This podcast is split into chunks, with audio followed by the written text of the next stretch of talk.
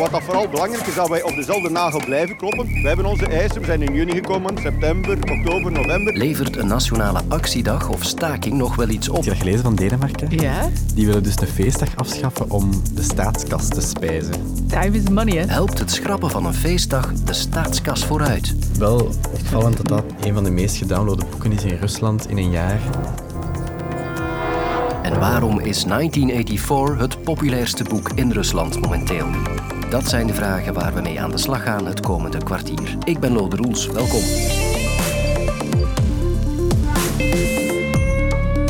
De drie grote vakbonden van ons land organiseerden vandaag een nationale betoging in Brussel. Ze eisen een echte loonopslag bovenop de index en een bevriezing van de energieprijzen.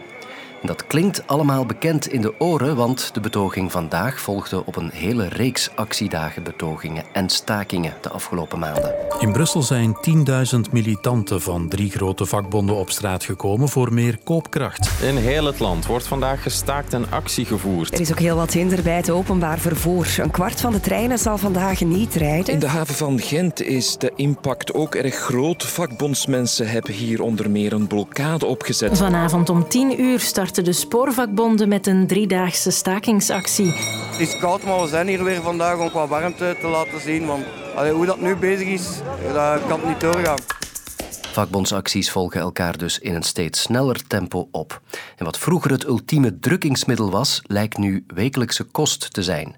Heeft dat dan nog wel zin? Leveren die betogingen en stakingen eigenlijk nog wel iets op? Ik kon mijn vragen voorleggen aan Stan de Spiegelaren, professor sociaal overleg aan de UGent. Uh, dag Lode. Hij stond zelf voor onderzoek trouwens aan de zijlijn van de betoging vandaag, vandaar de lawaaierige omgeving. Een eerste verschil dat je moet maken is stakingen op bedrijfsniveau. Dus die, zijn voor uh, ja, bedrijfsconflicten of uh, regels die niet gevolgd worden op een bedrijf.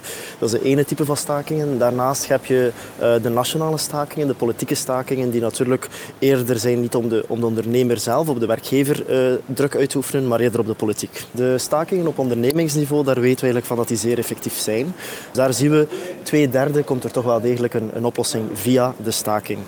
Als het gaat over politieke stakingen, is, is die vraag veel moeilijker om te beantwoorden. Wat weten we dan wel over de effectiviteit van die nationale stakingen of betogingen? Ten eerste uh, dat uh, de effectiviteit over de jaren heen, als het gaat over stakingen, nationale stakingen, dat die, dat die gedaald is.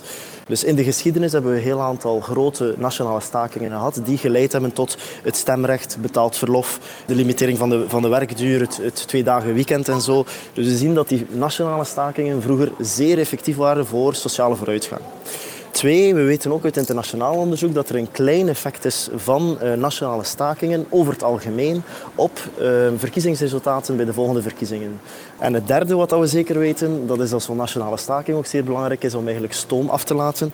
En zeker nu met, uh, met, de, met de crisis of de inflatie, met de, met de stijgende levensduurte, is dat toch zeer belangrijk dat de mensen een, een soort manier hebben om te zeggen van kijk, dit gaat niet, wij zitten in de problemen, wij, hebben, wij krijgen financiële problemen en wij willen dat uiten, we willen dat communiceren naar de, naar de regering toe. In het verleden zijn er natuurlijk wel enorme stappen gezet, ook in arbeidsrecht, door stakingen, door acties. Hè. Dat heeft natuurlijk wel voor veel doorbraken gezorgd. Inderdaad. En we kunnen daar ook een aantal van, uh, van opnoemen. Bijvoorbeeld de, de, eerste belangrijke staking was eigenlijk ook een, een nationaal oproer. Uh, waren de stakingen van 1886. Die hebben geleid naar het eerste, de eerste arbeidswetgeving, dus een verbod op kinderarbeid onder andere. Het wordt tijd dat men in dit land de stem van een arme aanhoort. Overigens, mijn beste vrienden, waarom klinkt hier de stem van een rijke altijd luider dan de stem van een arme? Tussen de twee uh, wereldoorlogen hebben we ook uh, de staking van 1936 gehad, die in feite geleid heeft tot het eerste sociaal overleg, waar de vakbond werd aanvaard als gesprekspartner door de regering en door de werkgevers. En dan na de Tweede Wereldoorlog hebben we ook een heel aantal stakingen uh, gehad die veel effect gehad hebben. Op 13 januari 61 is de buurt van de Brusselse Wetstraat een versterkte vesting. In het parlement stemmen de Kamerleden over de wet voor economische expansie, sociale vooruitgang en financieel herstel. Beter bekend als de Eenheidswet. Vier weken lang al is er grimmig protest tegen de wet. De eenheidswet was eigenlijk een staking in 1960. En dat was een beetje, dat was een heel grote staking, ook redelijk uh, succesvol. Dus veel mensen hebben die staking opgevolgd. Gevolgd. Uh, redelijk uh, gewelddadig ook, er zijn een aantal doden gevallen. Maar die nationale staking, heel grote staking, heeft eigenlijk weinig direct effect gehad. En dan is het ook het moment geweest waarop de vakbonden het geweer van schouder hebben veranderd. En gezegd, oké, misschien moeten we iets meer inzetten op overleg, op samen met de, met de, met de werkgever akkoorden sluiten, in plaats van te staken. Ja. Hebben die nationale acties dan helemaal geen effect op politici of het beleid? Ik zou zeker niet zeggen dat de nationale stakingen geen effect hebben. Er zijn een aantal effecten die we moeilijker kunnen meten. En daarvoor zou ik het graag het voorbeeld geven van het generatiepact en de regering Michel. Dus daar is heel fel tegen gestaakt geweest. Op zich hebben die niet veel veranderd aan de directe uh, hervormingen die, die het generatiepact uh, in petto had. En ook niet de regering Michel. Maar men zou kunnen zeggen dat het misschien ervoor gezorgd heeft dat, de, dat deze regeringen niet verder gegaan zijn. We weten namelijk van regeringen dat die vaak uh, eens het water testen, een hervorming doen om te kijken heeft dat, een, heeft dat een effect in de maatschappij, ja of nee. En als daar een sterke staking uh, tegenover staat, dan gaan ze misschien uh, een aantal hervormingen die ze misschien anders wel hadden gedaan, niet doen. Professor Stan de Spiegelaren, dank u wel. Vanaf 2024 moeten de Denen het met een betaalde feestdag minder doen, of toch als het van de nieuwe Deense regering afhangt. De reden? Denemarken wil de defensiekas spijzen. Het defensiebudget moet de NAVO-norm halen, zijnde 2% van het bruto binnenlands product. En daarom vraagt de regering de Denen om één dag meer te gaan werken per jaar. En de feestdag die mogelijk verdwijnt is de Grote Gebedsdag of Store Bededag. Uh, de uitspraak is Store Bededag. Uh, ja, je moet de helft van de letters niet uitspreken. Uh, Oké. Okay verbeterd worden door een echte Deen, dat vind ik helemaal niet erg. De Deen in kwestie is Christian Aistrup. Ik heb net, uh, net wat onderzoek gedaan. en wat dat persoonlijk voor mij betekent, is dan dat uh, ik eigenlijk mijn moeder belde. Uh, mijn moeder is gepensioneerd dominee in de Deense Volkskerk. Volgende naam op mijn bellijstje was correspondent Margot Liesaarde. Hallo. Ze vertelt samen met Christian het verhaal van de Grote Gebedsdag. Stuybilledij is een Deense protestantse feestdag, die je letterlijk kan vertalen als de Grote Gebedsdag, bestaat al sinds 1686 en valt op de vierde vrijdag na Pasen. Oorspronkelijk stond de dag helemaal in het teken van bidden, zoals de naam al doet vermoeden. Je moest maar liefst vier keer naar de kerk gaan. En alle winkels moesten donderdagavond ook al om zes uur s'avonds sluiten. De bakker mocht niet werken, dus de bakker moest bepaalde broden bakken dan op de donderdag, die dan nog gegeten kon worden op de vrijdag. En daarom kochten mensen tarwebroodjes. En het eten van die broodjes is tot op vandaag nog altijd een traditie op de Grote Gebedsdag. Maar verder voelt het voor de meeste Denen als een gewone verloofdag. Ja, maar um, de dag was wel een uh, belangrijk dag uh, geworden voor Denen. Omdat jonge Denen op die dag uh, hun confirmaties konden doen in de Deense protestantische kerk. Ik heb even aan mijn collega's gevraagd wat dat zij ervan vinden. En um, ja, ik denk dat het vooral de verloofdag is die ze liever niet opgeven, eerder dan ja, de, de tradities die er achter die grote gebedsdag zitten. Oké, okay, nu ken ik het verhaal, maar ik wil ook graag de cijfers zien. Kan het de staatskas echt helpen om een feestdag af te schaffen? Dat is ik vraag het aan Herman Matthijs, professor openbare financiën aan de Universiteit Gent en de VUB. Ja, uiteraard, omdat natuurlijk, dat is dan ook een normale werkdag. betekent dat de productie in de bedrijven normaal zal verlopen, ook in de distributie, de administratie zal kunnen werken, de ziekenhuizen, het openbaar vervoer, de havens, de luchthavens gaan allemaal normaal kunnen werken, dus op een normale werkdag. Langs de andere kant zal het ook wel geld kosten in die zin dat het geen vrije dag is en dat natuurlijk eventuele uitstapjes naar de vrije tijdseconomie verloren natuurlijk gaan. Dus het heeft ook een kost. Maar globaal gezien eh, gaat men daarmee winnen. Ja, dus dat komt de economie wel degelijk ten goede dan uiteindelijk. Is daar een bedrag op te plakken of gaat zoiets niet? Ja, dat is, uh, achteraf kunnen we dat eens gaan berekenen als het gepasseerd is. Maar op dit ogenblik is dat wat natte vingerwerk. Ja, het, het gaat een beetje tegen de stroom in, waarin je inderdaad meer die work-life balance um, ja. respecteert. Dit gaat daar wat tegen in natuurlijk ook, hè? Nee, dit gaat daar tegenin, ja. Maar goed, langs de andere kant, het is maar één dag op een jaar dat men meer zal moeten werken, de Denen. Dus iets van acht uur. Stel nu dat men had gezegd van kijk, je moet voortaan 39 uur in de week gaan werken. Ja, dan had u feitelijk globaal bekeken op jaarbasis ergens rond de 45 uur meer gaan werken natuurlijk. Op dat vlak is het een vrij zachte ingreep. Het is meestal ook een dag, heb ik gezien. Het is verder de vierde vrijdag na Pasen, een nationale gebedsdag in Denemarken. En die valt een paar dagen na de 1 mei. Dus al bij al valt het nog mee, denk ik, voor de Denen. Maar het is iets origineel, waar misschien ook eens bij ons over moet nagedacht worden.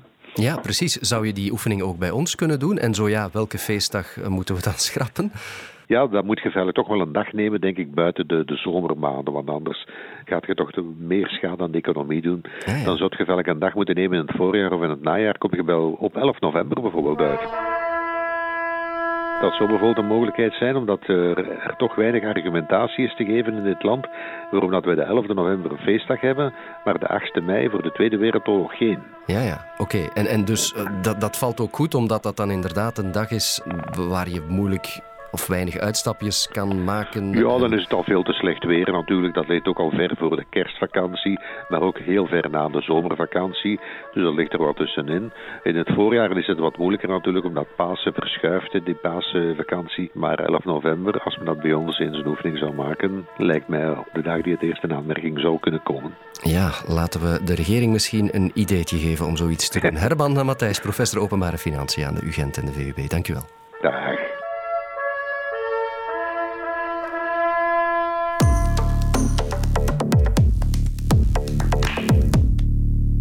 Het is tijd voor een bekentenis. Ikzelf heb het boek 1984 van George Orwell nooit gelezen. Maar het is zo'n klassieker dat ik wel weet waarover het gaat. Orwell's naoorlogse visie over hoe de westerse wereld er in 1984 zou uitzien. A world of absolute conformity and ceaseless war. Where language and history are being systematically destroyed. If you want a vision of the future, Winston, imagine stamping. Het hoofdpersonage is Winston, die probeert zich onder een streng regime staande te houden. Het boek is een duidelijke waarschuwing tegen totalitaire regimes en een samenleving waarin de overheid elk aspect van het menselijk leven bewaakt en controleert. Maar waarom zeg ik dit nu allemaal? Wel, omdat 1984 dit jaar het meest gedownloade fictieboek bij een groot Russisch e-boekplatform is en het tweede meest gedownloade boek over alle categorieën heen. Geef toe, dat is opvallend, want het Kremlin heeft er zelf een handje van weg om zijn bevolking onder de knoe te houden en de realiteit bij te sturen. Stof voor een gesprek dus met Emmanuel Wagemans, emeritus hoogleraar slavistiek aan de KU Leuven. Dat boek was absoluut onvindbaar en het bezit ervan strafbaar. Ik herinner me uit mijn studententijd in de jaren 70, 80, heb ik zelf nog naar de Sovjet-Unie Russische vertalingen van 1984 binnengesmokkeld. En dat was een feest voor vrienden aan wie je dat kon aanbieden. Dan helemaal op het einde van de jaren 80, begin van de jaren 90 met de perestroika en de glasnost is dat boek gepubliceerd. Maar nu is er iemand, een jonge vertaler, vond dat het tijd was voor een nieuwe vertaling. Он не знал, где находится. Он предполагал, что в Министерстве любви Enkele dagen geleden verscheen in de pers een bericht dat dat werk 1984 niet slaat op de totalitaire samenleving die Rusland is. Dat kan openlijk niet gezegd worden. Hè. Maar een satire op de westerse uh, liberale democratie. Nu, ik denk eerlijk gezegd dat dat een druk is. In de jaren 60 en 70, met het begin van de dooi, het ontdooien van de culturele betrekkingen, toen heel wat westerse schrijvers die daarvoor taboe waren, ik denk aan Hemingway, uh, Heinrich Böll, die werden dan wel vertaald, maar die kregen altijd een heel kritisch voorwoord. Men waarschuwde in de, het woord vooraf voor de nefaste invloed. Maar ondertussen was het werk wel vertaald. Hè? En ondertussen was het gedachtegoed in dat werk wel toegankelijk voor de Sovjetlezer. En misschien is dat nu ook de policy. Но в этом никак невозможно было убедиться. Его держали в камере с высоким потолком, без окон. Ik vind het een, een positief teken. Ook met die, dat verwijzende, dat moralistische vingertje van de vertaler of de uitgever, vind ik het toch een hele gebeurtenis. En toch ook wel een beetje getuigend van moed. Want wat is de realiteit de dag van vandaag? Het is niet leuk om het te zeggen, maar het is wel zo. Een heel groot segment van de samenleving in Rusland goedkeurt wat er gebeurt, ofwel, indien men het niet goedkeurt, de, de andere kant op kijkt. Mensen proberen die, die nare situatie, uh, die vreselijke oorlog en die vernietiging enzovoort, een beetje weg te moffelen. En dit is een signaal van, kijk eens, zitten wij niet opnieuw in een totalitaire samenleving. The visionary was George Orwell. He turned his nightmare into the biggest selling futuristic novel of our time. Literatuur is altijd een groot wapen geweest in Rusland. De hele 19e en de 20e eeuw. Er is geen vrije pers. Er was geen vrije pers. Op dit moment is er ook geen vrije pers. Er zijn geen vrije media. Je kunt niet vrijuit je kritische mening ventileren in talkshows uh, en dergelijke in de pers. En grijpen ze alweer terug op een oude traditie van de 19e en de 20e eeuw om via de literatuur toch een bepaalde boodschap te brengen. Ik heb het net even opgezocht. Het boek 1984 is beschikbaar in de bibliotheek in mijn buurt, in het Nederlands wel te verstaan. Morgen toch maar eens langs gaan, denk ik. Maandag hoor je Sophie opnieuw in het kwartier. Luister ook naar Clubnet, je wekelijkse shot internetnieuws in podcastvorm. Nu in de app van VRT Max.